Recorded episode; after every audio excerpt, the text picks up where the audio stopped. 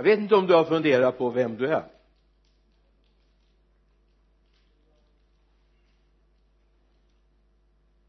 Tänkt efter lite grann. Vem är jag egentligen? Då talar jag naturligtvis inte om det som har med personnummers alla tio siffror att göra. Eller var du är född. Utan vem är du egentligen? Vem är du egentligen? Vill du vara med? Då ska vi fundera tillsammans lite grann om det idag. Och jag har satt som rubrik ett Guds folk. Det är ett av svaren. Ett Guds folk. Vi ska gå till första Petrusbrevets andra kapitel verserna 9 och 10 två verser som jag älskar väldigt mycket och återkommer ofta till. Det Petrus skriver till en församling av hebreer men ni är ett utvalt släkte ett konungsligt prästerskap ett heligt folk ett Guds eget folk för att ni ska förkunna hans härliga gärningar. Han som har kallat er från mörker till sitt underbara ljus. Ni som förut inte var ett folk är nu Guds folk. Ni som inte har fått barmhärtighet har nu fått barmhärtighet. Ni som förut inte var en etnos en folkgrupp har nu blivit en Guds folkgrupp. En Guds etnos. Det är ganska spännande. När man tittar ut över den här skaran här har vi vuxit upp på olika platser i vår värld. Och så kan jag bara konstatera bara notera att vi är ett oavsett bakgrund, miljö och så vidare så är vi alla ett. Ska låta våra vänner få chans att komma in här i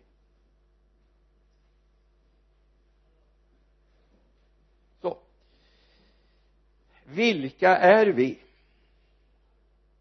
Ja det är frågan lite grann vem du frågar, vad du frågar hur du ser på det vem är jag? För det här har egentligen att göra med lite grann relation. Det handlar om att spegla sig mot något eller några. Ibland kan den här frågan kännas både dum och onödig. Jag skulle vilja säga att den är jätteviktig. Att vi funderar efter vem är jag egentligen? Och sen skulle vi kunna säga så här vem skulle Gud vilja att jag var. Vad ingår i Guds plan? Vad, vad hade han tänkt? Den där dagen du gav ditt första skrik och föddes någonstans i vår värld. Såg Gud dig då? Såg Gud dig när du låg i moderlivet? Jag är helt övertygad. Jag är helt övertygad och Gud bara tänkte så här honom, henne vill jag göra någonting av. Frågan är vilken bild vi har av oss. Vad har samhället vad har förväntningarna vad har miljön skapat i oss? Det finns människor som ständigt ständigt lever med underlägsenhetskänslor. De presterar och presterar och presterar och ändå känner de sig alltid misslyckade. Oavsett vad som händer. Och det är inte bra. Det är inte Gud har inte skapat oss till underlägsenhetskänslor. Det är inte Guds tanke. Det är den här världen som har varit med och format oss och pressat på oss massa tankar och idéer. Och så känner vi vi når inte måtten. Vi är inte tillräckligt smala tillräckligt långa för lite hår eller för mycket hår eller vad det nu kan vara.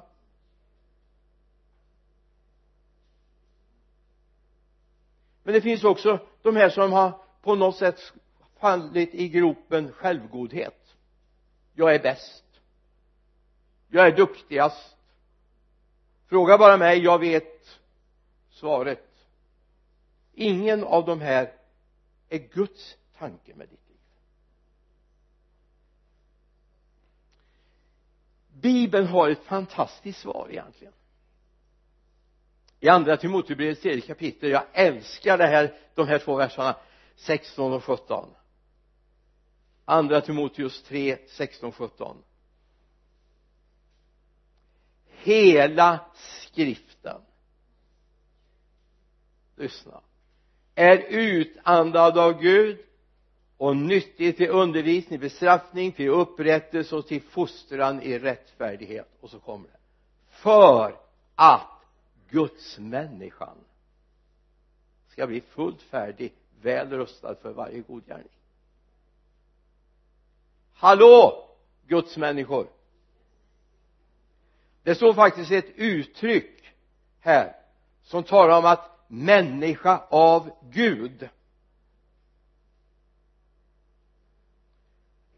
Nu är det här kanske en undervisning för sig men låt mig bara få ta en liten kort parentes. Adam och Eva de var frambringade av Gud fader själv direkt. Innan fallet, innan ormen i lustgården så var de människor av Gud. Jag menar du får vara genusperspektivstänkande människa. så är det faktiskt så att kvinnans namn Eva det är av mannen. Av mannen. Hallå? Ja det är bara Guds ord. Men de var framförallt av Gud. Så för att bli en gudsmänniska så måste jag på nytt bli formad av Gud på nytt igen fått Guds likhet i mitt liv.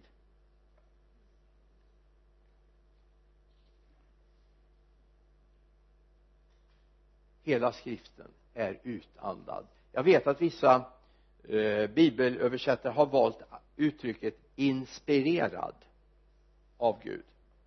Men det är bara en väldigt svag version. Därför det står faktiskt att det är det andedräkt som har utgått ur Guds mun.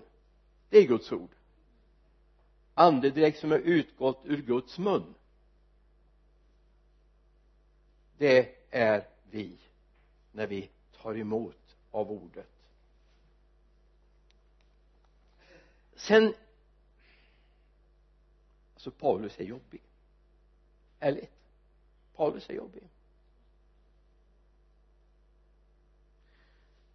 Först skriver han så här när han skrivit församlingen i Korint. Det första brevet första kapitlet så jag menar han kommer redan i början med det här va? Vers 27 20 till 29 och så skriver han till syskonen i församlingen i Korint. Nej det som för världen var dåraktigt har Gud utvalt. För att låta det visa står det med skam och det som för världen var svagt har Gud utvalt för att låta det starka stå det med skam. Och det som för världen var oansenligt och föraktat ja det som inte var till har Gud utvalt för att göra till intet det som var till. För att ingen människa ska berömma sig inför Gud. Hallå! När Gud kallade dig så var du ingenting. Ärligt! Du var värdelös. Ta, ta den passningen om du klarar det. Du var värdelös.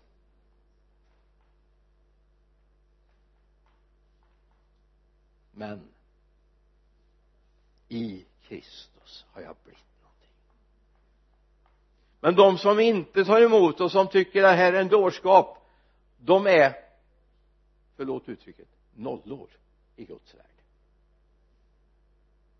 Men Gud kan göra någonting. Så redan när du fanns i moderlivet redan när du började din vandring när du sa dina första ord du tog dina första steg du började äta själv alla de där uttrycken jag kan själv. Och så sätter man vänster stövel på höger fot. Jag kan själv. Redan då såg Gud dig. Och han tänkte den här vill jag göra till någonting. Den har jag en plan för.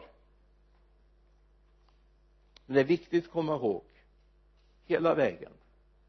Det som står i Fesebrevets andra kapitel verserna 8 och 9 ty av nåden är ni frälsta genom tro inte av er själva. Guds gåva är det inte på grund av gärningar för att ingen ska berömma sig. Och Paulus säger min berömmelse det har jag i Herren.